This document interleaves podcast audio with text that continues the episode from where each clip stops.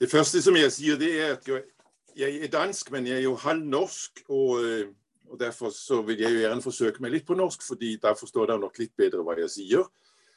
Um, jeg har skrevet manuskriptet på dansk, og jeg kommer til ganske nøye å holde meg til manuskriptet, for ellers så blir det altfor langt. Uh, men da blir det sånn det her dansk-norske dere får høre, og håper det går bra. Jeg er pensjonist, har vært professor ved Menighetsfakultetet her i Århus og har eh, ofte måttet gjennomgå både katekismen og Confessia Augustana. Så dette var hjemmebane, vil jeg si.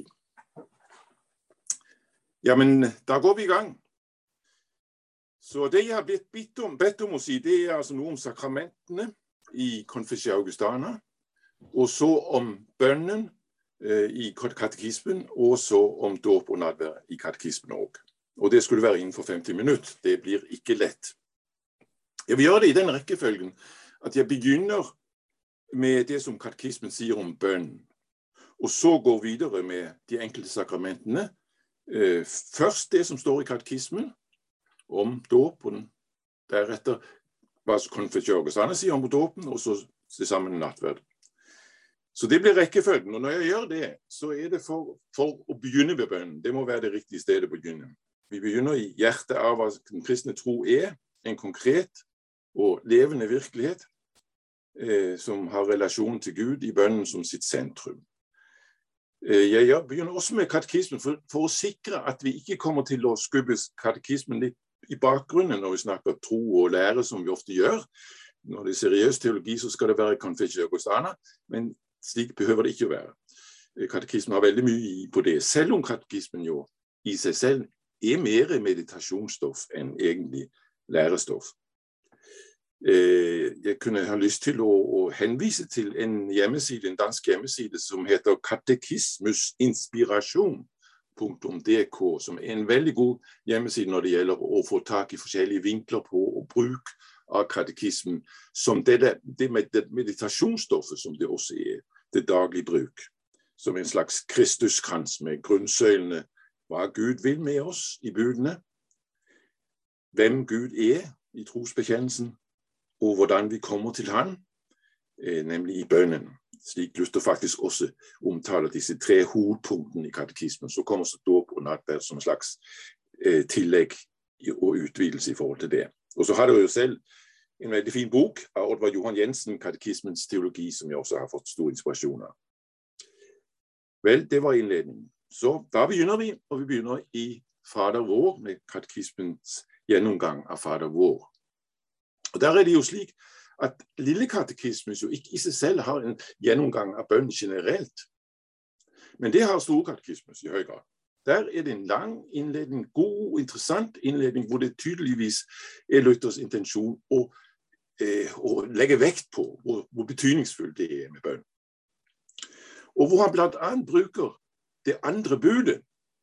Du må ikke misbruke Herren i Guds navn til å begrunne hvor viktig bønnen er. For det andre budet handler ikke bare om noe vi ikke må gjøre, slik Luther alltid utlegger budene, men om noe vi skal gjøre, nemlig bruke Guds navn. Å bruke Guds navn, det er det vi gjør ved å be. Vi skal be fordi Gud påbyr oss å gjøre det, ikke å be er en like stor synd som det er å synde mot det sjette budet eller et av de andre bud.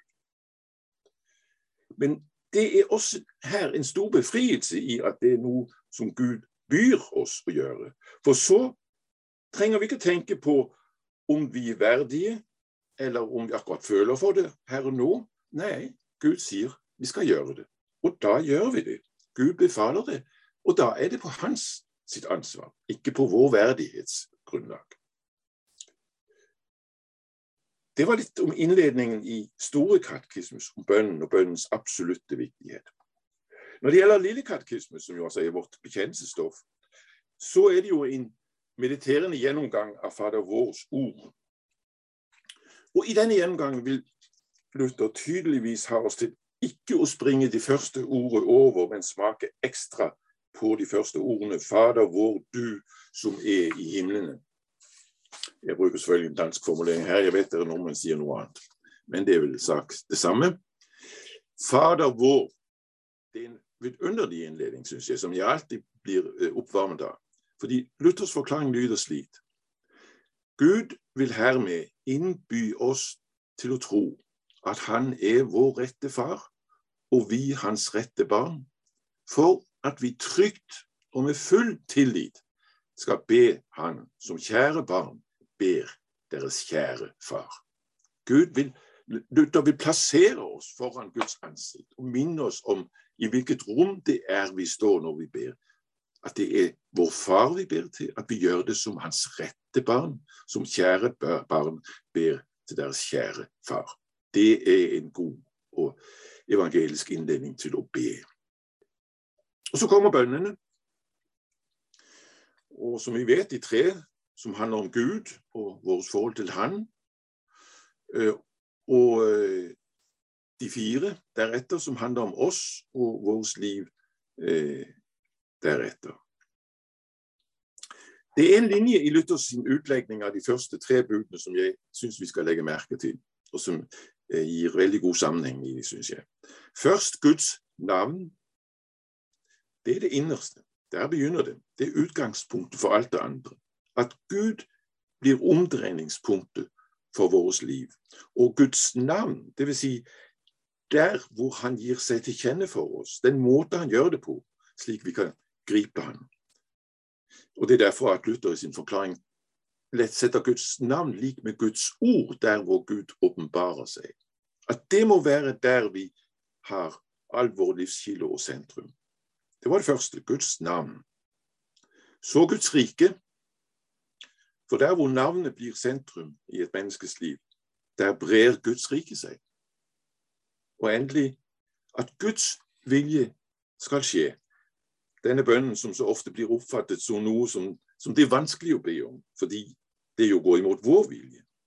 Men som Luther utlegger helt annerledes. Han utlegger det som en bønn om at, som han sier det, Guds gode, nådige vilje vil skje.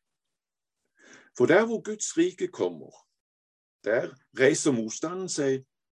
Og Derfor er det grunn til å be om at Gud bryter og hindrer enhver ond plan og vilje som vil, ikke vil la oss hellige Hans navn og ikke vil la Hans rike komme, det som er djevelens, verdens og vårt kjøtts vilje, men styrker og bevarer oss faste i Hans ord og i troen på Han til vår siste stund. Altså Guds gode, nådige vilje, at den må skje, og det som reiser seg imot det, ikke må få overhånd. Det er det vi ber om i den bønnen. Fader vår og Luthers utlegning av det viser noe som jo er enormt viktig for Luther og for oss, nemlig at det er forholdet til Gud som alt det andre henger på eh, slik som vi også ser det i de ti bud. Og tenkt, særlig her på det første budet. Du må ikke ha andre guder. Dvs. Si vi skal over alle ting frykte og elske Gud og stole på Han. Der er sentrum i Luthers tro. At vi må finne tilbake til det utgangspunktet og den kilden på vårt liv.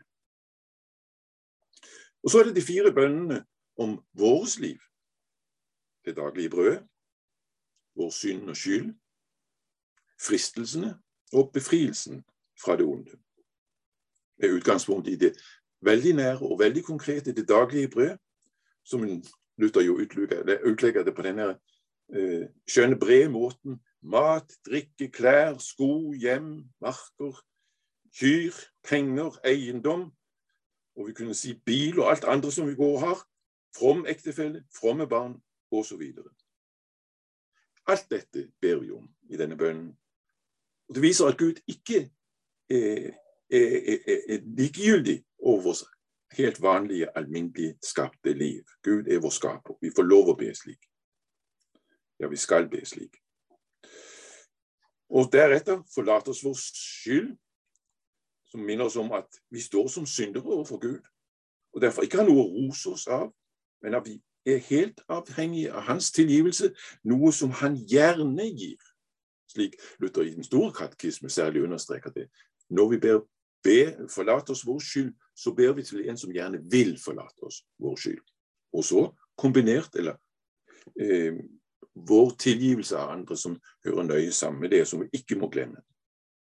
Og endelig Sjette og syvende bønn, fristelsen og utfrielsen av det onde, med Luthers utspesifisering av dette i denne treklangen djevelen, verden og vårt kjøtt.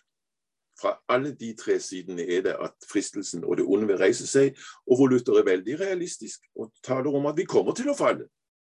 Vi synder daglig meget, som det står i Lille katekismus. Og derfor bønnen om at det ikke skal, som Luther sier det, forføre oss til mistro og fortvilelse og annen stor skam og last, som det heter på dansk.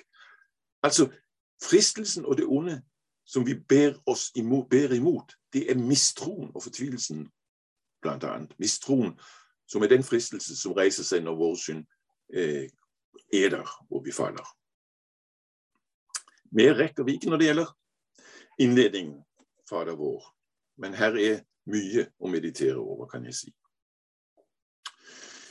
Og da vender vi oss til det som katekismen og Augustana sier om dåpen. Først katekismen. Eh, det var en tid også i Norge hvor man mente at det viktigste som det ut fra en luthersk standpunkt var å si om dåpen, det var avvisningen av ex opere operator, dvs. Si at dåpen virket bare ved å bli utført.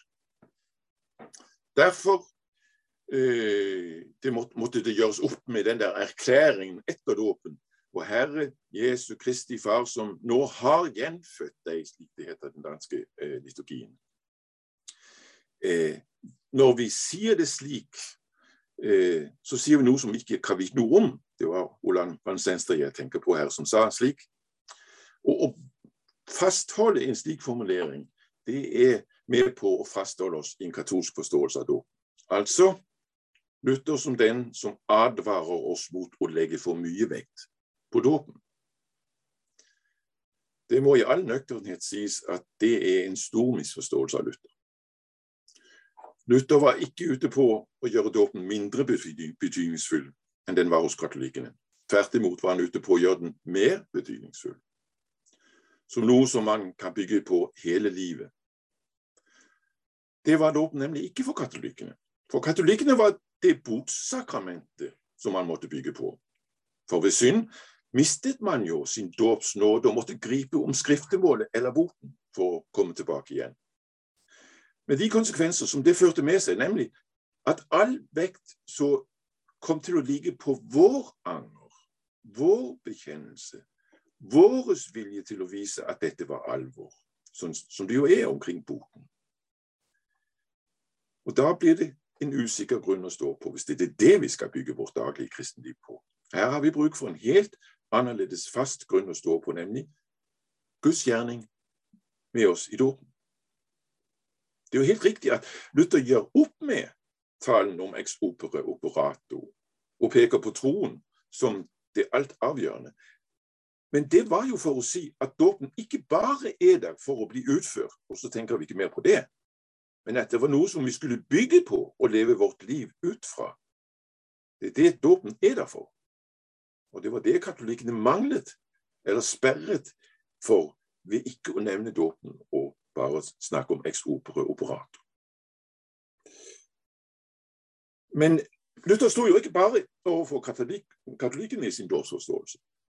Han kommer jo ganske fort til å stå overfor en rekke andre innenfor reformasjonsbevegelsene. Zwingli, Karlstadt, de første gjendøperne, som jo ville avvise at det skjedde noe objektivt i dåpen eller i nattverden.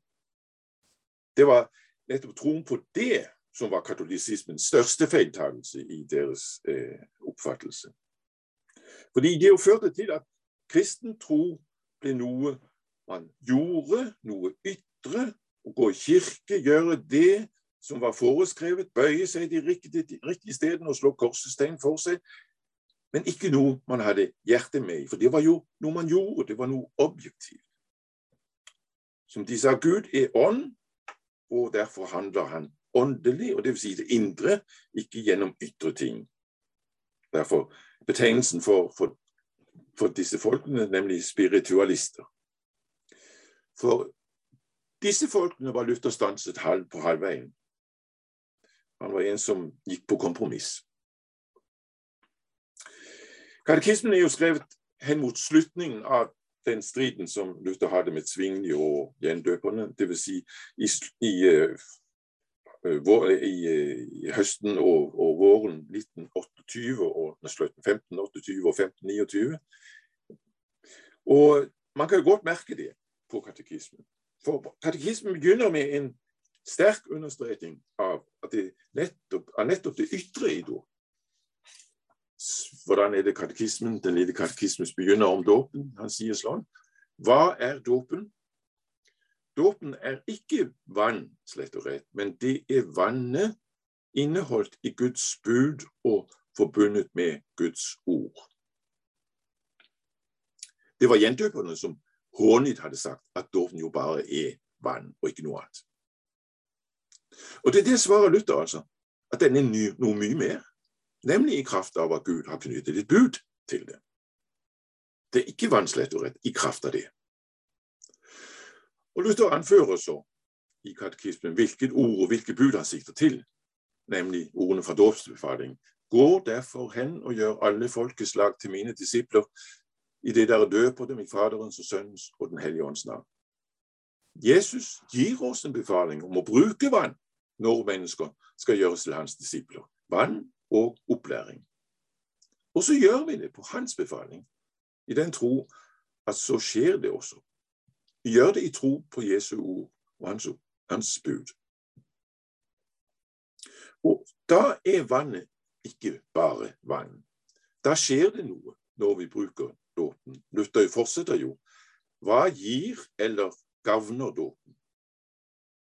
Og han svarer den virker syndenes forlatelse, gjenløser fra døden og djevelen og gir alle de som tror det, den evige salighet, slik som Guds ord og løfte lyder.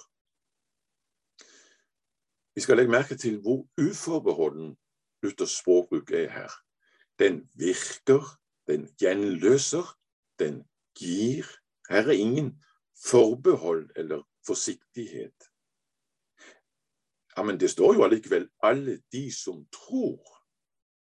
Ja, det er riktig. Troen er alltid med.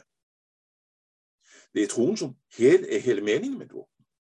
Det er for at troen kan bli til virkelighet at Gud har gitt oss dåpen. Troen er omdreiningspunkt i alt hva Gud vil gi oss og vil ha med oss å gjøre. Han vil at vi skal komme til han i tro. Men Luther tenker ikke at det bare er en gang iblant at dåpen blir mottatt i tro. Særlig når det gjelder det minst det han er overbevist om at her møter Gud tro. For Luther er det ikke noen motsetning mellom det ytre og det indre troen. Som han sier det om dåpen i Store katekismus, i det kjente stedet som dere sikkert ofte har hørt, når våre kloke hoder, de nye åndene, imidlertid påstår at troen alene frelser, men at gjerninger og ytre ting ikke kan hjelpe, svarer vi at det ganske visst er troen alene som frelser. Men disse blinde veiledere vil ikke se at troen må ha noe å tro på, dvs. Si som den kan holde seg til og bygge på. Troen klynger seg altså til vannet og tror at det er dåpen som er full av salighet og liv. Og litt senere det må og skal være noe ytre for at man kan fatte det med sansene, og derved bringe det inn i hjertet. Luther var så visst ingen spiritualist eller dualist. Det ytre var ikke noe som sto i motsetning til troen, men var et middel for at troen måtte bli til. Så Luther er ikke ute på å gjøre dåpen mindre underfull enn den var den for den katolske kirke, eller mindre betydningsfull. Hør bare hva han sier i en stor katekisme som dåpen et sted. Derfor er det ikke bare naturlig vann, men guddommelig, himmelsk, hellig og salig vann, og hva man ellers skal si til dets pris, alene for ordets skyld, fordi det er himmelsk, hellig ord. Guddommelig vann, jeg skal si. Men slik vil Luther altså ha disse folk som han skriver til, til å se på deres dåp. Men samtidig er det jo avgjørende for han å forbinde dåpen med et liv som skal leves. Det var også noe det som, oppgjøret, som lå i oppgjøret med operatum. Det var en sammenheng mellom dåpen og et liv. Dåpen er begynnelsen på et liv hvor vi skritt for skritt formes etter Kristus. Slik Luther jo sier det veldig sterkt i det første skriftet han har om dåpen, nemlig dåpssermonen fra 1519. Og slik heter det også i katekismen, nemlig til aller sist. Hva betyr det da at det brukes vann ved dåpen, spør Luther, og svarer. Det betyr at den gamle Adam i oss skal druknes med daglig anger og bot og dø med alle synder og onde lyster, og at det i stedet daglig skal fremkomme og oppstå et nytt menneske som skal leve evig for Gud i rettferdighet og renhet. Å bruke dåpen som en sovepute, som vi sier i Danmark, hvor alt er klart i og med dåpen, så man ikke behøver å bekymre seg om det å leve som en kristen, det som jo ofte, hos oss i hvert fall, blir fremhevet som det særlig lutherske, har ingenting med Luther å gjøre. Da går vi videre til hva Confessio Augustana sier om sakramentene. Og Vi begynner her ikke direkte med det som den sier om dåpen. Det er jo eh, en rekke artikler om sakramentene i, eh, i Confessia Augustana. Eh, etter vi har artikkelen om Kirken i artikkel 7 og 8, så får vi i artikkel 9 en artikkel om dåpen, 10 om nattverden, 11 og 12 om skriftemål og port, Og så har vi artikkel 13 som en tilføyelse eller avrunding på dette, nemlig en artikkel om troens bruk av sakramentene. Altså en sammenfatning i forhold til alle de artiklene har om sakramentene. Og noe som han jo ikke får sagt i de korte artiklene som han har om sakramentene. Det, da har jeg tenkt meg vi tar det først, slik at vi har fått det med fra start av. Det er artikkel 13, som lyder slik. Om sakramentenes bruk lærer de at sakramentene ikke bare er innstift for at de skal være kjennemerker blant mennesker, men mer for at de skal være tegn og vitnesbyrd om Guds vilje mot oss fremsatt for å oppmuntre og styrke troen hos de som bruker dem. Sakramentene bør derfor brukes slik at troen kommer til, som tror de forgjettelser eller løfter som tilbys og vises ved sakramentene. Slik lyder altså artikkel 13. Hovedhensikten med denne artikkelen er helt klart understrekningen av troen den tro som katolikkene ikke hadde så mye å si om. Fordi de var så opptatt av det objektive eller det underfulle, det som bare skjedde. Eh, og som vi allerede har sett, nei, sakramentene er gitt med henblikk på tro. Eller som det akkurat heter i denne artikkelen, den er fremsatt for å oppmuntre og styrke troen hos de som bruker dem. Det er deres hensikt. Men lyder det ikke litt svakt allikevel å si oppmuntre og styrke troen? Gir sakramentene da ikke troen? Er sakramentene og altså herr dåpen bare et tilbud? Om vi tar imot det eller ei, er jo en annen ting. Og Hvis det er slik at det bare er et tilbud, har Olav er allikevel ikke rett. Nei, så svakt skal vi ikke forstå disse formuleringene.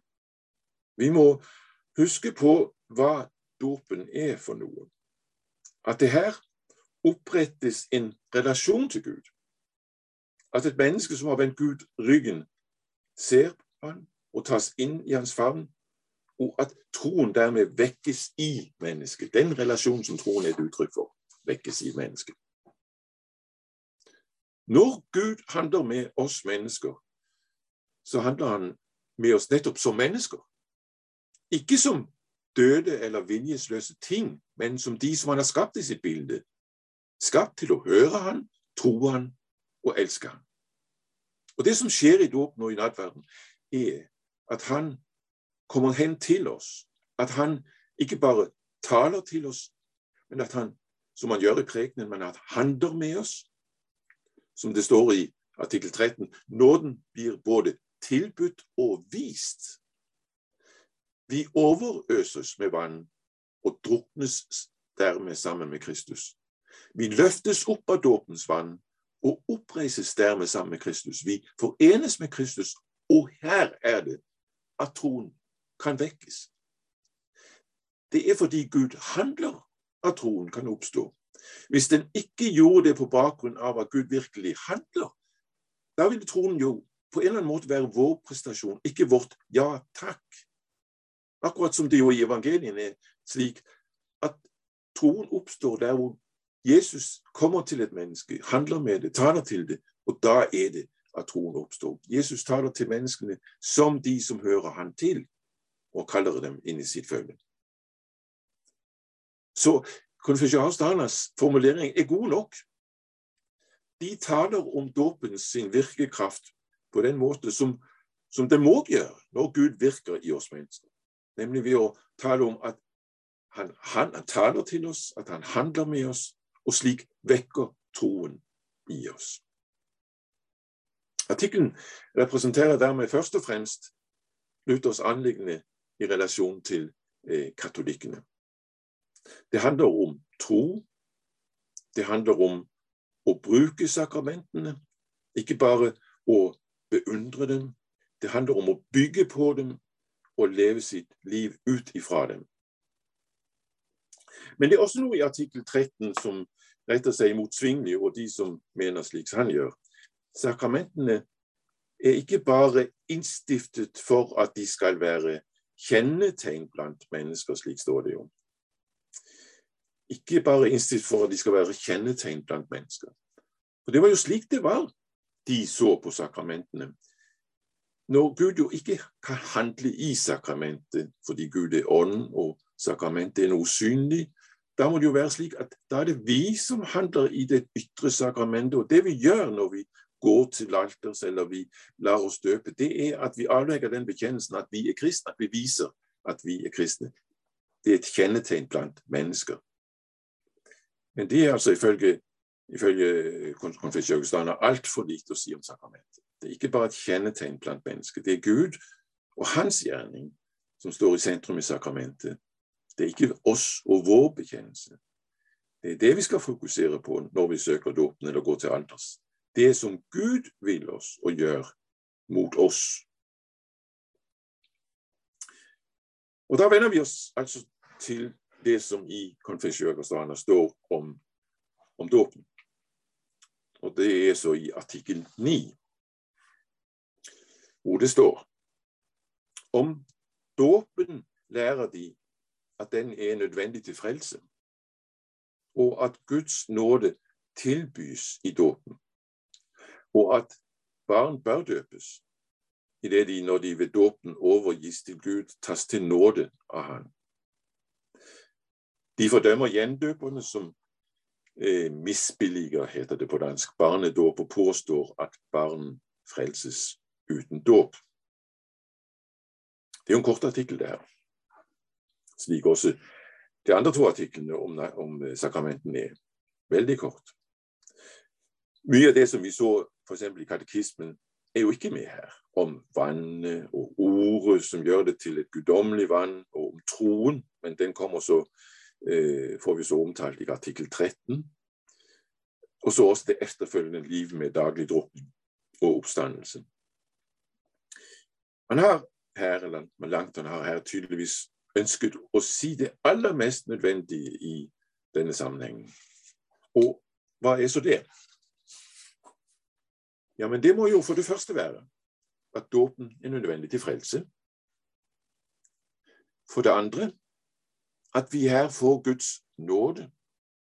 Og vi skal så se på igjen på det spesielle ordet for det, nemlig den tilbys. Og for det tredje at det er nødvendig å døpe barn. Det er de tre hovedpunktene. Og så er det jo en, en, en, en øh, slutning som, hvor man legger avstand til gjendøperne, som øh, som ikke mente at dåpen var nødvendig, men at man frelses uten dåp. Og når man legger avstand til de, så er det jo fordi at de katolske motstanderne gjorde sitt for å sette de lutherske i familie med disse gjendøperne. Og den den familieskapet vil de altså ikke vedkjenne seg på noen måte. For det første, altså at dåpen er nødvendig til frelse. Det i seg selv sier jo en hel del. Man kan bare slå opp i noen danske aviser for tiden, eller i hvert fall i Kristelig Dagblad her hjemme for tiden, og se hva det blir debattert her hjemme, for vi jobber for tiden med om vi skal ha nye ritualer og den slags uting i vår kirke omkring dette. Og et av de tingene som man virkelig reagerer på fra mange sider, det er at dåpen skulle være nødvendig til frelse. At man ved dåpen blir gjenfødt. Eh, ifølge mange er man jo Guds elskede barn allerede fra fødselen. Alt annet vil være utenkelig. Så hvorfor i det hele tatt døpe? For døpe skal det jo. Og da må det jo bli for å forkynne om den Gud som allerede elsker oss og er oss nær. Å si at dåpen er nødvendig til frelse, det er en provokasjon. Det som konfessor Augustina sier her, det er jo det samme som Kirken alltid har sagt, og som ikke minst Augustin fikk sagt med stor styrke, og han er også derfor et hatobjekt i Danmark for tiden, nemlig at vi ikke av naturen er Guds barn. Selv om, og det skulle vi gjøre samtidig med, Gud er slik som Jesus fremstiller oss han for, for oss i den lignelsen om den fortapte sønn, nemlig den som speider etter oss. Så er vi allikevel reist hjemmefra. Vi er langt borte. Vi må tilbake. Alt annet ville, gjøre, ville være å gjøre frelsen og Kristus meningsløs. Og I Bibelens og Kirkens fotspor sier de lutherske da at dåpen er det sted hvor Guds armer når ut til oss. Formuleringen som vi har den i konfesjonen, er veldig fin her. I det de, når de ved dåpen er overgitt til Gud, tas til nåde av Han. Og Oversettelsen her er kanskje ikke den aller beste, for det, det står faktisk på latin 'tas inn i Guds nåde'. Det er en akkusativ for de som er spesialister. In gratiam dei for de som tas inn i Guds nåde. Er det de, når de ved dåpen er overgitt til Gud, tas inn i Guds nåde. Vi kommer inn. Her er Guds arm. For det andre ut understrekningen at i dåpen får vi Guds nåde. Det handler i dåpen om nåde. Det er, dåpen, det er nåden som er omdreiningspunktet her. Og Der var de jo ikke uenige med katolikkene at det var det som det handlet om. Nå står det ikke at vi får Guds nåde, men nettopp at nåden tilbys oss. Igjennom, igjen har vi dette litt overraskende svake uttrykket. For her ville katolikken jo mer direkte si at ved dåpen gis nåden til oss. Vi får Guds nåde. Og det uttrykket som vi har her, som tilbys, virker litt mindre direkte i denne sammenhengen. Men vi har jo allerede vært inne på, vært inne på hvorfor det er slik. For det henger jo sammen med at nåden ikke først og fremst er en ting, en ny kraft, den helliggjørende nåde, slik katolikken ofte omtaler den nåden. Men at denne nåden som vi snakker om her, det er et nytt forhold til Gud. Det er det forhold til Gud at Gud er vår far, at han er barmhjertig, og at han bare er barmhjertig, slik Luther veldig sterkt kan understreke det. Det er det forholdet som blir opprettet her. Selv om det også skjer noe i oss. Det skal vi ikke glemme. Vi får Helligånden, som begynner et nytt liv i oss. Så det som skjer med oss, enda viktigere. At vi får Gud til far, og har del i alt det som er hans for Kristi skyld. Og det er jo ikke noe som man får i inngytt. Men det er noe som blir rakt oss, det er noe som blir tilbudt oss, slik vi kan gripe det i tro. Og griper det i tro. Så det handler om nåde. Nåden som gis eller tilbys oss. Og for det tredje utsagn om at barn skal døpes. Det sies veldig kort i artikkelen. Men bakgrunnen for det har vi allerede fått noe vite om hvis vi ellers har lest artikkel to artikkelen om arvesynd, at alle mennesker blir født med syn, Og at det ikke bare handler om en svakhet, men at det er virkelig synd, slik artikkel 2 understreker det, som nå fordømmer de som ikke blir gjenfødt ved dåp og helligånd, og pådrar dem evig død. Derfor må de døpes, barna. Det må en ny fødsel til, slik Jesus jo også sier det til Nikodemus, og det gjelder også barna.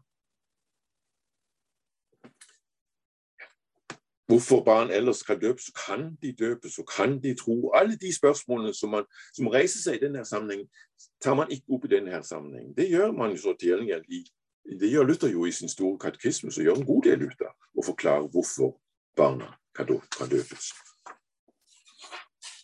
Og så til sist Går så de barn som ikke blir døpt, fortapt? Er det ikke det artikkel 9 sier når det, man til sist fordømmer gjendøperne som mener at barn frelses uten dåp?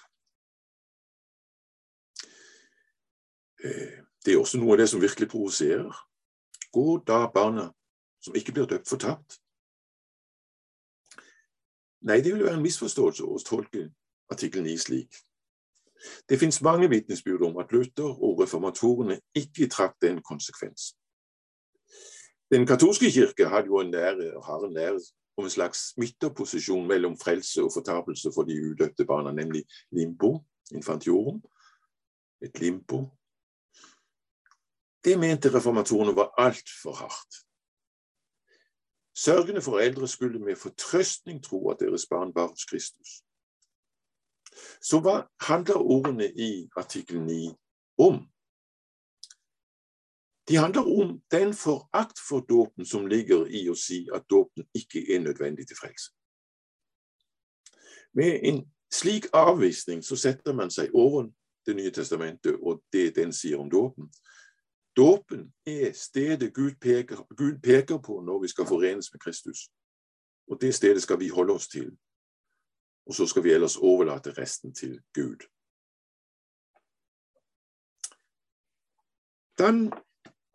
Går vi videre og skal se på nattverden.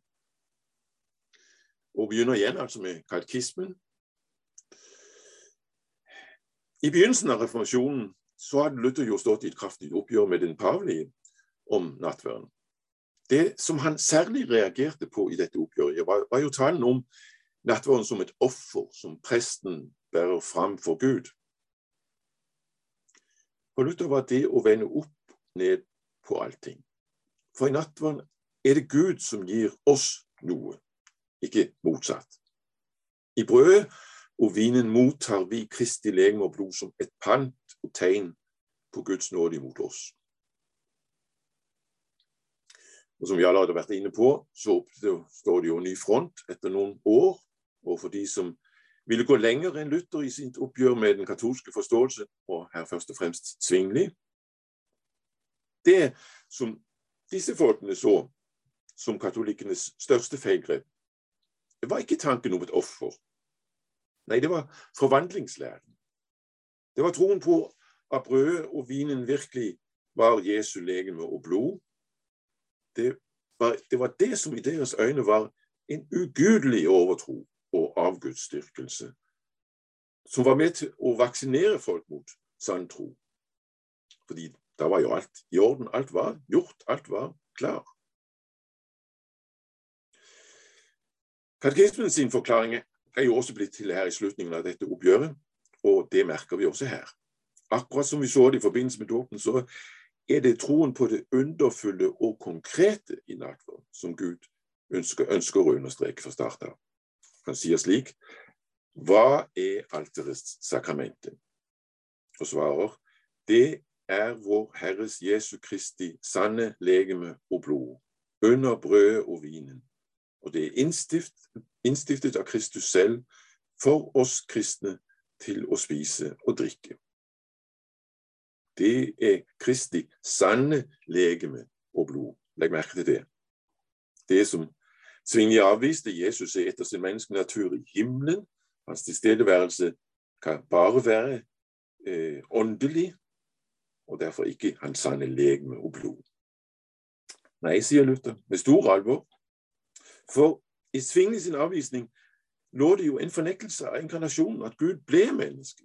At Gud forbinder seg med noe som er synlig, konkret, fysisk. Gud ble menneske. Kristus er virkelig til stede på alteret. Hans legeme og blod er til stede. Øh, det er jo denne episoden vi hører om, at en gang var det noen som hadde øh, spilt noe av vinen på gulvet, og Luther som kneler ned og, og slikker det opp. Slik så han på vinen som Kristi blod. Men samtidig så er det slik at det er til stede Kristi legeme og blod under brødet og vinen. Og det vil jo dermed si det er stadig vekk brød og vin. Den katolske forvandlingslæren sa at det ikke bare var brød og vin, selv om det smakte som brød og smakte som vin, men i sin substans, det som var det bærende i brød og vin, der var det Kristi legeme og blod.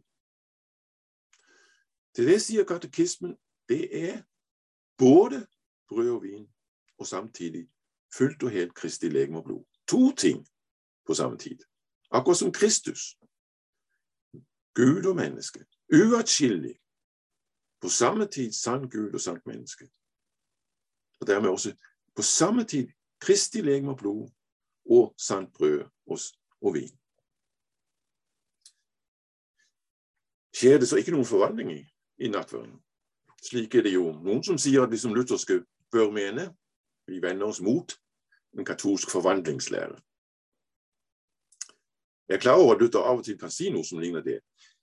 Jeg vil allikevel med stor frimodighet holde på med å si jo, det skjer en forvandling.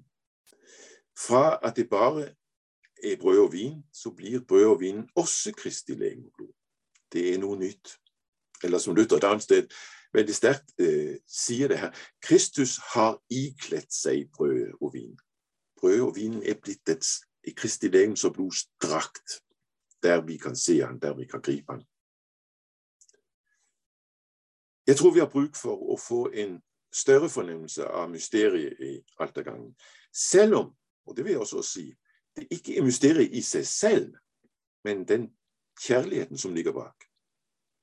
Og delaktigheten i Jesu død, som er det avgjørende, og som fokuset skal være på, men i mysteriet. Men legg så også merke til at det er med henblikk på å spise og drikke, slik Luther sier det her i sin forklaring i Lille katekismen. Det er med henblikk på å spise, for oss kristne å spise og drikke, at Kristi legeme og blod er til stede her. Hos katolikkene er, er, det jo slik at det er mye mer eh, som er hensikten med den tilstedeværelsen. Det er også for å tilbedes utenfor gudstjenesten, slik man jo gjør når man tenner lyset, den røde lampen, og så er det innvide eh, hostien i, i, alterskapet. Og da kan man holde sin andakt foran det i sterk opplevelse av Kristi nærvær, som jeg har hørt katolikker si det. Og dette med at man bærer det innvide brød fra, i prosesjon til velsignelse av en mark eller et hus, eller hva det nå er. Slik utvider man Kristi legemes nærvær til noe som slett ikke har vært meningen fra begynnelsen av. Det er gitt for oss kristne for å spise og drikke. Med den praksisen som man stadig har i den katolske kirke, så løsriver man nattverden fra den nytestamentlige basis i måltidet skjærtorsdag kveld. Derfor er innstiftelsen vårt avgjørende lys når vi skal holde fast i hva nattverden er for noe. Og Derfor er det også at vi får en lang gjengivelse av innstiftelsen i katekismen. Der har vi nøkkelen. Der har vi det som skal slå alt annet av jorden og skal gi oss lys over vår forståelse. Og så er det neste spørsmål hos Luther i katekismen. Hva gagner det da å spise og drikke slik?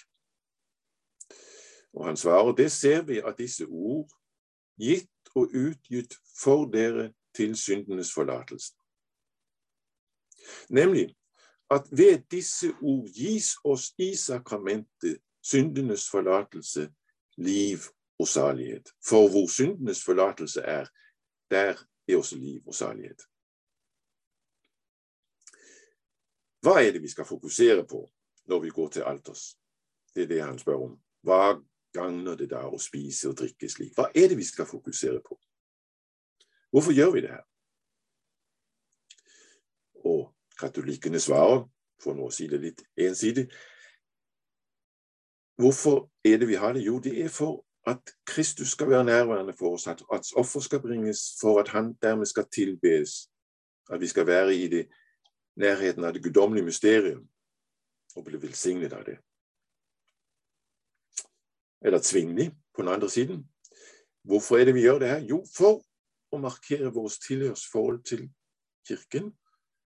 Eh, også litt ensidig sagt, for han vil jo sikkert også si for å bli å huske på Kristus i en annen forstand. Men som et ytre kjennemerke blant mennesker. Men hva svarer Luther her? Jo, han sier hvorfor er det vi gjør det her? Det er for å få del i Guds nåde og kjærlighet i Kristus. Og få del i syndenes forlatelse, sier han. Der har vi fokus. Det er det vi skal fokusere på. Guds kjærlighet som rekkes til oss. Der skal vi ha vårt hjerte løftet opp imot. Det blir rakt til oss her gjennom brød og vin. Hans legeme og blod. Det skal være vårt fokus. Ja, men er det noe vi har bruk for? Har vi ikke allerede Guds nåde i dåpen? Jo, ingen kan vel si sterkere. Eh, det er sterkere enn Luther. Men slik han veldig sterkt understreker i Store katekismen, troen blir jo svak. Og derfor har den bruk for å bli styrket Derfor går vi til alters. Da går vi videre. Tar jo ikke alt med fra katekismen. Går videre med nattverden i Augustana, artikkel 10. Og hører den veldig korte forklaringen som vi får her, hvor det lyder om Herrens nattverd lærer de at Kristi legeme og blod er virkelig til stede og utdeles til de som nyter nattverden. De misbilliger den som lærer annerledes. Veldig kort igjen. Og Derfor gjelder det selvfølgelig også her at dette er jo ikke det eneste som Augustana sier om nattverden. I den siste del av Augustana, de såkalte misbruksartiklene fra artikkel 22 til 28, da har vi to artikler om nattverden. En som vender seg mot den katolske praksis at det bare er presten som får vinen, mens lekfolket bare får brød. Nemlig artikkel 22 om begge skikkelser, som det heter i den danske oversettelse. Og så artikkel 24, som vender seg veldig skarpt imot forståelsen av nattverden som et offer. Denne overskriften om messen. Her i artikkel 10, som altså hører, hører til bekjennelsens første del, her dreier det seg om kort og klart å fremlegge det innerste i de evangeliskes nattverdsforståelse. Og Her ser vi akkurat det samme fokus som vi så i katekismen. Det handler om å understreke troen på realpresensen. Kristi legemes og blods virkelig tilstedeværelse i nattverden. Det finnes jo både en latinsk og en tysk tekst, og de er selvstendige hver for seg. De har oppstått parallelt, så derfor er den ene ikke bare en oversettelse av den andre. Og Der står det enda sterkere i den tyske teksten. Og det var jo den teksten som ble lest opp, faktisk, eh, i juni 1530. Her står det slik eh, at Kristi sanne legeme og blod er sant til stede under brøds og vinens skikkelse i nattverden, og der blir utdelt og mottatt. Kristi sanne legeme er sant til stede. Det er virkelig noe her som skal understrekes, merker man. Men legg også merke til formuleringen i den tyske tekst, nemlig under brødets og vinens skikkelse. Fordi denne formuleringen bringer Augustana veldig tett på formuleringene fra et konsil i 1215, det fjerde Lateranerkonsilet, hvor det står Legeme og blodet er i sakramentet i sannhet inneholdt under brødets og vinens ytre skikkelse. Under brødets og vinens skikkelse. En kopi fra 1215. Man har altså bevisst ønsket å formulere seg veldig tett på den katolske forståelsen. Ifølge noen er det jo typisk Melankton. Han er alltid forsiktig. Man skal ikke provosere mer enn nødvendig. Men vi skal jo ikke glemme artikkel 22 og 24. De er jo ikke forsiktige, kan man si. Og det Melanchthon her sier, ligger jo veldig tett på katekismen. Så det sier altså noe at dette ikke bare er forsiktighet, men at det er hjerteblod. Når det gjelder realiteten i nattverden, så ligger vi betydelig tettere på katolsk forståelse enn vi ligger på Tvingli og den senere reformerte kirken. Lateranerkonsilet har så en fortsettelse i forhold til det som jeg siterte før, som ikke kommer med i Augustana. I Lateranerkonsilet heter det i det brød blir forvandlet, eller transsubstantiert, til legeme og vinen til blod ved Guds kraft. Altså, man legger seg i Augustana veldig tett på den katolske betoningen av realpresensen uten å benytte seg av dens forklaring, nemlig transsubstantiasjonen. Transsubstantiasjon vil altså si at substansen har blitt forvandlet, selv om de ytre tingene, smak og, og, og lukt og, farver og sånt, ikke er blitt forvandlet. Her vil vi altså ikke følge katolikkene. Og hvorfor? For det første fordi det er en filosofisk forklaring på noe som bare kan gripes i tro. Og for det andre fordi en slik forklaring av det ender med å gjøre nattverden til noe annet enn det var ment som en slags selvstendiggjørelse av Kristi nærvær, hvor det kan ha betydning i andre sammenhenger enn i måltidet. Men det er ikke det nattverden er innstiftet til. Den er innstiftet ikke for å tilbes, ikke for å bæres i posisjon. Den er innstift for oss kristne, for å spise og drikke, som det heter i katekismen, eller som det heter her i Augustana. Det er for å utdeles til de spisende at nattverden er gitt, ikke til alt mulig annet. Men igjen, dette er på ingen måte et oppgjør med en sterk forståelse av realpresensen det er og blir en hjertesak i luthersk forståelse. Vel å merke ikke bare som et nærvær, Kristi åndelig nærvær, slik de reformerte kunne tale om det, men som en real presens, Som Kristi nærvær i brød og vin med sitt legeme og blod. Og Da nærmer vi oss eh, slutten, men jeg tror likevel at vi må ta med oss de siste to artiklene her i Konfesjonsdana, som jo ikke handler om dåp og nattverd, men som handler om skriftemål og bot, artikkel 11 og 12.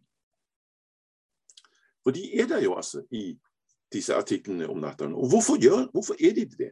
Hvorfor har en artikkel om skrift, eller to artikler til og med om skrift og bot, kommet med i forbindelse med artikkelen om sakramentene her i Augustana? Er skriftemålet da et sakramente? Det er hva man må kalle et godt spørsmål. For skriftemålet ja, det er jo ikke et sakrament. Og så allikevel. Skriftemålet opptrer ofte sammen med de øvrige sakramentene i Luthers skrifter, og det sier noe om at det var viktig for Luther. Og det var det jo, det vet vi jo. Men det skulle allikevel være frivillig for de kristne, og ikke noe man var tvunget til minst én gang om året hvis man ellers var kristen, sånn som kirkelovene var. Og hvis det er så fritt, kan det så være et sakramente som jo har frelsesbetydning. Vi har allerede vært inne på skriftemål sin enorme betydning i kirken den gang. Det som jo hang sammen med at man ved alvorlig synd mistet sin dåpsnåde. Falt ut av dåpens skip, som man sa. Og da måtte bringes tilbake via skriftemålet eller botsakramentet. På den måten så fikk botsakramentet en betydning for det daglige liv som på mange måter overgikk dåpen sin betydning. Og som vi har sett, reagerte Luther på det. Fordi det i botsakramentet dermed kom til å handle veldig mye om mennesket. Om man fikk skriftet alle syndene, om ens anger var oppriktig og dyptfølt, og så også om at man gikk inn under de ting som man ble pålagt av presten i forbindelse med skriftemålet, botsytelsen, at man ba så og så mye, fastet så og så mye, og i særlig grove tilfeller også dro på en pilegrimsreise. Og, og nå har man gjort det tilstrekkelig? Det var det som var som holdt på å drive Luther til vanvidd i hans unge år. Med sin oppdagelse av evangeliet avskaffet Luther jo ikke skriftemålet, men forsto at det handlet om noe annet. Nemlig det som, som blir formulert her i artikkel 11 i eh, Confessio Augustana, hvor det står om skriftemålet lærer de at den private avløsning bør bevares i menighetene, skjønt selv om oppregningen av alle forseelser i skriftemålet ikke er nødvendig. Det er nemlig umulig i henhold til salmen 'Hvem merker selv at han feiler'? Altså, Hvorfor er det at reformatorene fastholder skriftemålet? Selv om det altså står 'bør bevares', legger vi merke til. Det er på grunn av én ting, nemlig den private avløsning absolusjon. Det er ifølge denne artikkel skriftmålsen kjerne og mening. Ikke at man ikke også skal skrifte, altså nevne syndene sine. Det er jo derfor man søker presten eller en annen. Det er for å få nevnt det som plager. Men det er med henblikk på avløsningen at det blir nevnt. En avløsning som man skal høre som Guds egen stemme, som det heter i artikkel 24 her i Augustana, eh, hvor det står menneskene belæres å sette avløsningen meget høyt, for den er Guds stemme og, forkynnes og forkynnes på Guds befaling. Artikkel 24. Når synden er bekjent, skal man vende oppmerksomheten vekk fra de syndene man har bekjent, og den angeren man har hen til det som presten sier. På Jesu Kristi befaling kan jeg nå tilsi deg dine synders forlatelse. Det har vi bruk for, og det har vi et bibelsk grunnlag for å gjøre. Og det skal vi gjøre, for her er det Gud vi står overfor, og han sier det, og da skal vi tro det. Eh, så det er altså ting i skriftemål som minner oss om et sakramente. Vi har en befaling av Kristus. Forlater dere noen deres synder. Er de dem forlatt, nekter dere å forlate noen deres synder, så er de dem eh, ikke forlatt fra Johannes 20, eh, 23. Det er en befaling av Kristus og et løfte. Og Man kan vel også si at det er et ytre tegn med håndspåleggelsen. Når det gjelder det siste, så er det jo ikke en skikk vi kjenner veldig mye fra den tidligste kirken. Og Det er vel en av grunnene til at det ikke blir regnet for sakramentet. At det, man ganske enkelt på kirkehistorisk grunnlag ikke kan påvise at det har vært en slik veldig fast skikk i den første kirken. Man har tilgitt hverandre sine synder, synder, det er sant, men det har ikke vært en handling med den der grunnleggende betydning som det senere ble. Eh, for det andre tror jeg at det henger sammen med at vi ikke kaller det for sakramentet, at det, det, er jo ikke på samme måten som dåpen og nattverden en grunnleggende for det å være kristen. Man kan godt være en kristen uten å gå til Skriftet, selv om vi har all grunn til å gjøre det og gjenoppdage skriftemål. Så kan man det, og skal gjøre det og kan være det med frimodighet. Det var artikkel 11, men det er jo en artikkel mer, nemlig artikkel 12, som har overskriften om boten. Og det er jo en lang artikkel. Jeg leser den i sin lengde.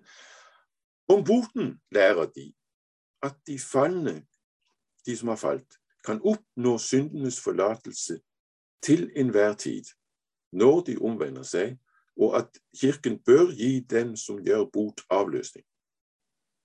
Men boten består egentlig i disse to deler. Den ene er angeren eller den skrekk som er innjaget i samvittigheten når synden er erkjent. Det andre er troen som skapes av evangeliet eller avløsningen, og som tror at, forlates, at syndene forlates for Kristi skyld, trøster samvittigheten og befrir den for skrekken. Dernest bør følge gode gjerninger som botens frukt. De fordømmer gjendøperne som nekter at en gang rettferdiggjorte kan miste Helligånden. På samme måte de som hevder at noen mennesker allerede i dette livet oppnår en slik fullkommenhet at de slett ikke kan synde. Også nomadianerne fordømmes, som ikke vil gi avløsning til de, fall, til de som har falt, når de etter dåpen vil gjøre bot.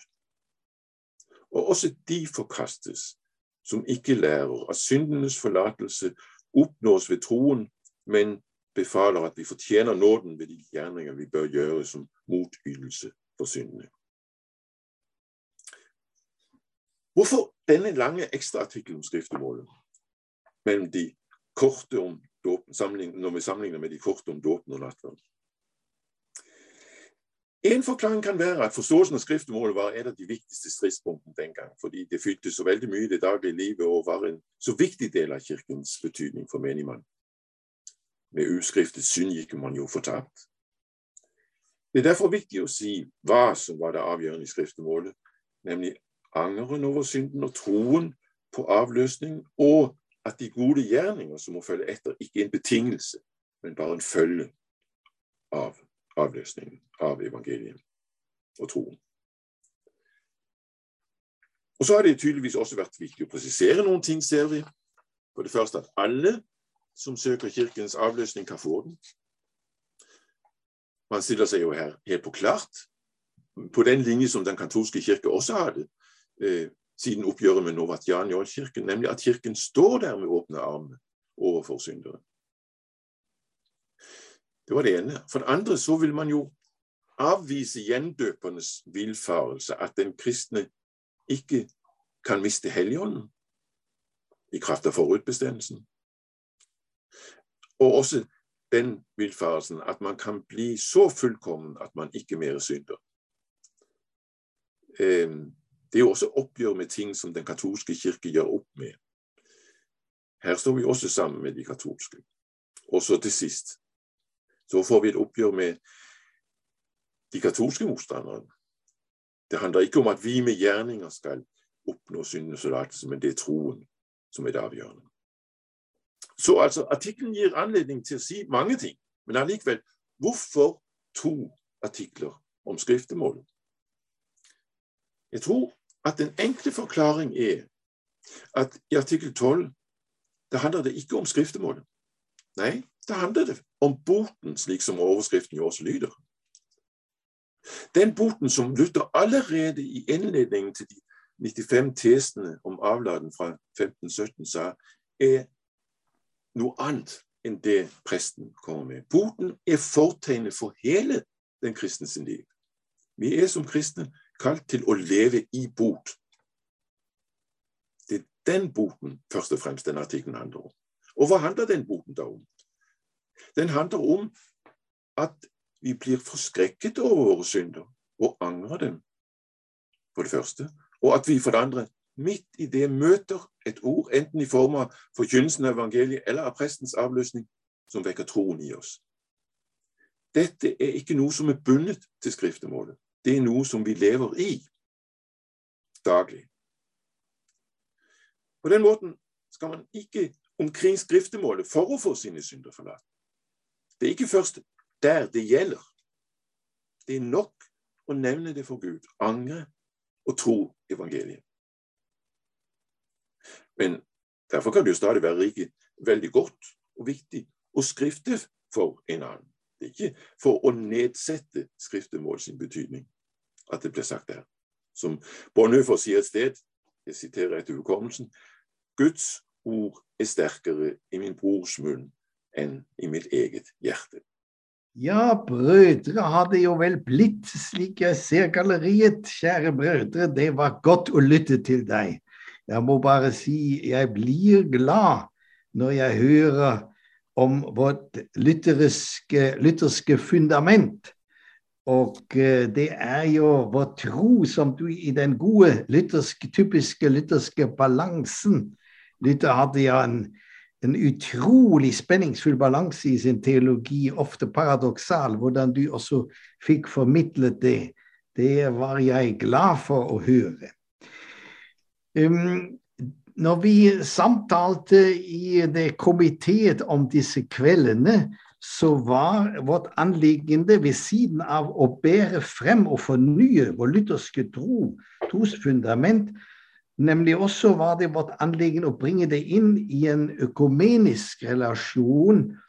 Og, eh, men det blir for mye å ha katolikker eller ortodokse eller pinsevenner som kommandatorer, så det blir et lite forsøk, forsøk, eller blir nå et lite forsøk av meg å respondere litt ut fra et økumenisk blikk og ut fra det som er mitt arbeidsfelt, nemlig retreat og åndelig veiledning, og på den måten bidra til eh, også kanskje en aktualisering av Luthers teologi som vi i retreat erfarer, og som jeg selv står for at Luthers tro er som et eh, ekstra nås fundament for troen under det vi arbeider i retreat med, intranos, altså hvordan Kristus i oss, og ikke minst i vårt hjerte, eh, arbeider og virker og forvandler. Kanskje aller først eh, en kort, noen setning til dåpen. Jeg selv ble døpt når jeg var 19 år før jeg begynte med teologistudiet, som blir økumenisk, men ikke minst lyttersk. Og har som en god lytter, lytterske doktor eller ja, han inviterte meg til det, men det var ikke fullførbart fordi han døde så plutselig. Albrecht Peters i Heidelberg, som var en av de beste lytterkjennere i sin tid. Eh, så for meg blir Luthers tro veldig forløsende. Og mine barn ble døpt som barn. Men jeg mener vi burde som lutheranere reflektere, og ikke minst økumenisk samtale, om troens legitime behov og, og komme til uttrykk i forbindelse med dåpsfesten. Og jeg lurer bare på, kanskje til samtale mer enn nå, om ikke påskenattens dåpsfornyelse kunne være et sted hvor de som, som voksne kommer til troen, og som kanskje er Eller de som er døpt som barn, men kommer til troen, en aktiv tro, først som voksne, kunne fornye også ved dåpens fond, ved å ta, få på sin panne kanskje dåpens eh, vann, eh, som de så veldig vakkert så luthersk eh, beskrev som virkende vann. Bare det som en liten eh, parentes. Tilbake til Luther. Eh, du var inne på det som gledet meg, nemlig å vektlegge um, i katekismens sammenheng meditasjonen. Og jeg vil gjerne fornye det begrepet som har jo vært veldig viktig for Luther, nemlig katekismemeditasjon. Og det var jo det han tok med seg som munk Munch inn i sin fornyelse, kirkefornyelses fromhetspraksis, at han selv hver dag, når han bare kunne, mediterte over eh, credo. Men jeg begynte jo gjerne med de ti bud, og avsluttet med Fader vår. Og på den måten brentet han inn en bedende omgang med de tre viktigste tros tekster, kan man vel kanskje si, men det er mer enn tekster. Det er virksomme ord, nemlig hva Gud vil med våre liv, de ti bud, hva vi har i vår, hvem Gud er, og hvordan vi bedende er på vei til en forening med ham. Hans fromhetspraksis, Luthers, blir for oss i Skandinavia, men også i Tyskland naturligvis, jeg tror det vi må nesten kalle vårt folkets mentale ryggrad. Jeg tror det er ukjent, men det virker fortsatt som en mental ryggrad, slik jeg opplever det her også i Norge, når jeg kom til Norge og så hva det må ha gjort og fortsatt gjør med mennesker, også når de som ikke lenger bekjenner seg til den kristne tro, og har hatt forfedre og formødre som på skolen lærte uten at disse ordene. Katekisme, meditasjon, og dermed er vi ved meditasjon, er jo learning by heart. Vi gjentar resitasjonsmeditasjon, og da er vi ved retreatarbeidet. For oss er hjerte, eller katekisme-meditasjon med disse tekstene en del av vår meditasjonspraksis på retreatstedet Solåsen pilegrimsgård. Vi, vi gjentar de ordene, vi F.eks. Fader vår, langsomt, langsomt og dvelende og gjenta enda en gang. Og på den måten bedende blir disse ordene levende for den enkelte. Og Det er veldig viktig at Gud vil møte oss personlig, privat, som du sa til slutt. Vi skal møtes av Gud i vårt hjerte selv, ved ordene. Ved at vi smaker, spiser de ordene ved å gjenta dem. Meditasjon er veldig avgjørende. Og for meg var det en lang vei å gjenoppdage meditasjon, fordi vi hadde jo ikke engang lenger i protestantisme eh, ordet meditasjon. Det var jo bare forbeholdt liksom Østens religioner. Så Luthers fromhetspraksis tror jeg blir til et mentalt ryggrad for skandinavisk åndsliv, og dermed for hele våre verdier som blir plantet inn. Så eh, tror jeg det kunne være godt å minnes på bønnens betydning også utover Fader vår, nemlig gå til bergpreken selv og Jesu ord selv, som jo taler så vel om det vi i fellesskap skal be, og det er Fader vår. Men det vi personlig, privat skal be, Matteus 6,6, det er jo gå inn i ditt rom Lukk døren. Be til din far i din skjulte, som er i det skjulte og ser deg i det skjulte.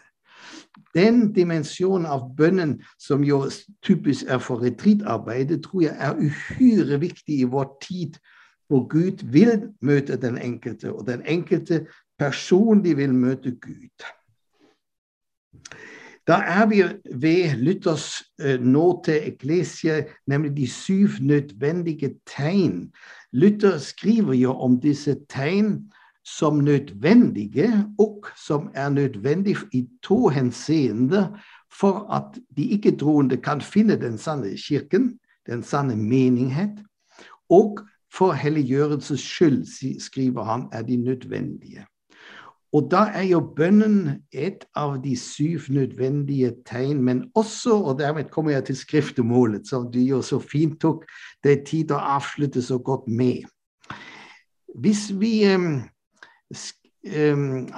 Ja, og kanskje jeg forteller først om en sammenheng mellom skriftemål og um, meditasjonen av de ti bud. Eh, vi opplever i de lange retreater Vi har jo også eh, for seks år siden begynt, syv år siden begynt med de lange ignasianske 30 dager, eller tre ganger ti dager retreater. Og den første tid er alltid preget av tilbakeblikk. Hva har Gud gjort med meg uh, i de årene, årene, som ligger bak fra jeg ble født? Hva har skjedd mellom meg og Gud? og hva må jeg kanskje erkjenne også som synd. Og jeg kan, jeg kan bevitne at hver gang opplever vi, uten at vi som veileder fremmer det aktivt, påtrykker ingenting, men vi erfarer det gang på gang at det fører til livsskriftet. Det kommer gjennom Den hellige ånds virke selv at den enkelte vil skrifte og legge fra seg det som vedkommende har tatt med seg gjennom hele sitt liv så langt. Og da er en av de erfaringene som sitter spikret i min hukommelse, en person som sa i åndelig veiledning etter å hadde meditert i ti for første gang. Da kom de ordene Jeg har jo erkjent hele mitt liv har jeg syndet mot alle de ti bud. Og det, Da er det glede i himmelen når absolusjonens ord blir sagt og blir tatt imot. Og det har skjedd gjennom meditasjon. Det var ingen moralsk, ingen synsforkynnelse. Det skjedde av å bare la ordene meditativ, gjentagende komme inn i hjertet. Så gjør Gud det selv og taler og viser hva vi også skal så gjerne da benevne og sette ord på for å ta imot ordene som forløser, nemlig absolusjon. Jeg lurer litt på, på ett punkt Det er ikke kritisk, men det er spørrende. Om vi ikke bør nærme oss litt, eh, om ikke en sakrament, sakramentsforståelse når det kommer til skriftemål, men en nødvendighetsforståelse. Eh, for de syv tegn er jo Nåte er jo nødvendige etter Luther. Og um, om vi ikke har med skriftemål med en nødvendig handlingsmåte Og jeg likte veldig godt i ditt foredrag du beskrev så tydelig og så luthersk at vi tror i sakramentene at Gud handler med oss og vil gjerne gi oss det vi ikke selv har, og vil gjøre det selv, det vi ikke kan gjøre. Vita passiva. Og det gjelder for sakramentene, det gjelder i høyeste grad også skriftemålet. Og Eh, det du avrundet så fint med, med, med Bonhoeffers ord. Kristus vil selv møte oss i den andre, og gjennom absolusjonens ord gjøre noe med oss som jeg ikke alltid kunne gjøre selv. Og det tror jeg må eh, være nærmere nødvendigheten. Og um, jeg lurer på om vi ikke her må rytte litt mer opp i pietismens fratagelse. Jeg vil ikke kalle det en frarøvelse. Pietisme har preget også mye av mitt liv, og jeg er veldig takknemlig for mine pietistiske fedre. Men pietismen må også kritiseres i sine ringvirkninger. Og eh, skriftemålet må man jo kirkehistorisk anse som en fratagelse som ikke minst gjennom pietismens krav om et hellig liv, og ikke stadig måtte synde og bekjenne sine synder om og om igjen, det er sikkert andre krefter også som har ført til at skriftemål langt på vei har forsvunnet. Godt at eh, gapestokken har forsvunnet. Godt at prestens, embetsmennens maktutøvelse også gjennom, uh, gjennom om ikke katolsk botspraksis, men dok iallfall moralistisk botspraksis har forsvunnet. Men jeg tror vi må gjenvinne Eh, ikke botens nødvendighet. Vi må skjelne mellom med Luther mellom botens, eh, også den forvrengte botens teologi og skriftemål, men vi må gjenvinne skriftemålet. Og jeg lurer også litt på om ikke eh, vi kan lære her av den ortodokse kirken, hvor vi jo vet at skriftemål er nødvendig for å kunne ta imot nattverden. På gang til alteret er man først, hvis man er ortodokstroende, hos sin prest og skrifter. Og Jeg lurer også på om vi ikke kan ta Luthers egen erfaring med skriftemål enda mer til oss. nemlig Han har jo sagt uten skriftemål hadde djevelen for lengst seiret over meg. Og han sier hvis jeg har brakt noen til å skrifte, så har jeg fått eh, en kristen. Så har jeg fått eh, vedkommende til å være en kristen. Så jeg lurer på om vi må skjelne mellom sakramentets veldig innerste forstå, eh, definisjon, men at vi allikevel burde med frimodighet tale om skriftemålets nødvendighet. Og iallfall nødvendig hjelp vi kan få, ikke noe annet sted på den måten. Og det tror jeg har også å gjøre med at i skriftemålets absolusjon møter Gud oss personlig. Du sa med rette privat, og det er jo det uttrykket vi også bruker. Personlig vil Gud møte oss, og da er vi kanskje ved noe av retritens innerste spiritualitet. At vi erfarer noe om Kristus intranos på en måte som gjør Kristus oppstanden realpresentisk virkelig for oss. Kristus blir virkelig personlig virkelig. Og, og det er ikke subjektivisme, men dermed blir vår, vår objektive eh, tro, de, de, Guds objektive handling med oss personlig. Og det mener jeg vi, vi burde verdsette i en tid hvor Eh, mennesket har blitt personlig individualistisk jo ofte, som vi kritiserer, men vi må på en måte se positivt på at den enkelte vil møte, og Gud vil møte den enkelte. Og da er meditasjon enda en gang veldig viktig. Fordi meditasjon gjør de ordene vi ellers forkynner, og det vi leser i Guds ord, personlig levende. Og det tror jeg er eh, noe veldig, veldig vesentlig for at den objektive troen som ikke lytterdommen har holdt fast ved, også som en kjerne av den felleskristne tro som vi kan be om vokser frem. Den felles apostolske tro tror jeg ikke minst forordet til CA så tydelig gjør. Eh, og den, den, den, kan vi bringe inn i den økumeniske samtalen. Men denne objektive troen vil implementere seg i vårt hjerte også gjennom erfaring av Kristus realpresentis oppstått levende i våre hjerter. Når vi holder Hans ord, så vil jeg komme med min far og ta bolig i dere. Der er vi ved Kristus-mystikken, der er vi ved retriten og stillheten. Så jeg håper at um, vi kan bidra også med disse foredragene til at um, den lytterske troen fornyes, og at den også leves i våre menigheter, slik at vi møter den enkelte, slik Gud selv vil møte den enkelte ansikt til ansikt, også gjennom skriftemålet ansikt til ansikt. Eh, aller først så har jeg lyst til å si stor takk for uh, at han løfter meditasjonen frem som han gjør.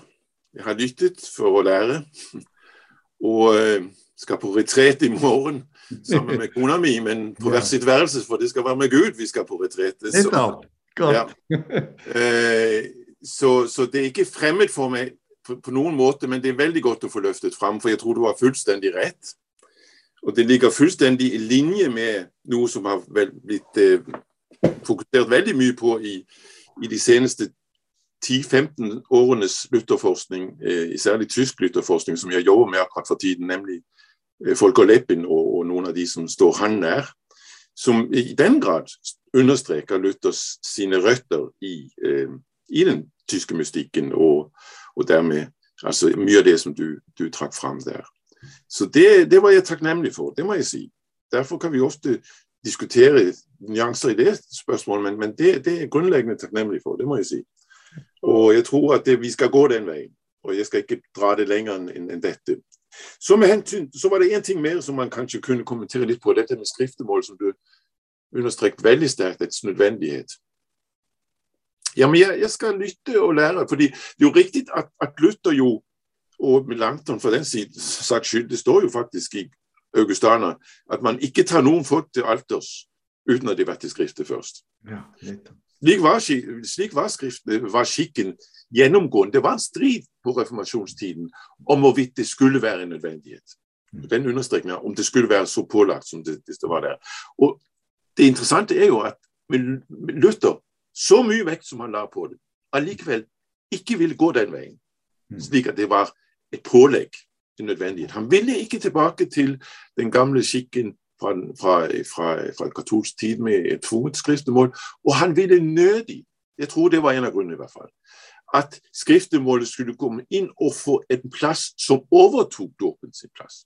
Ja. Ja. Det, det, det, er faren ved å legge for mye trykk på det, tenker jeg. Mm.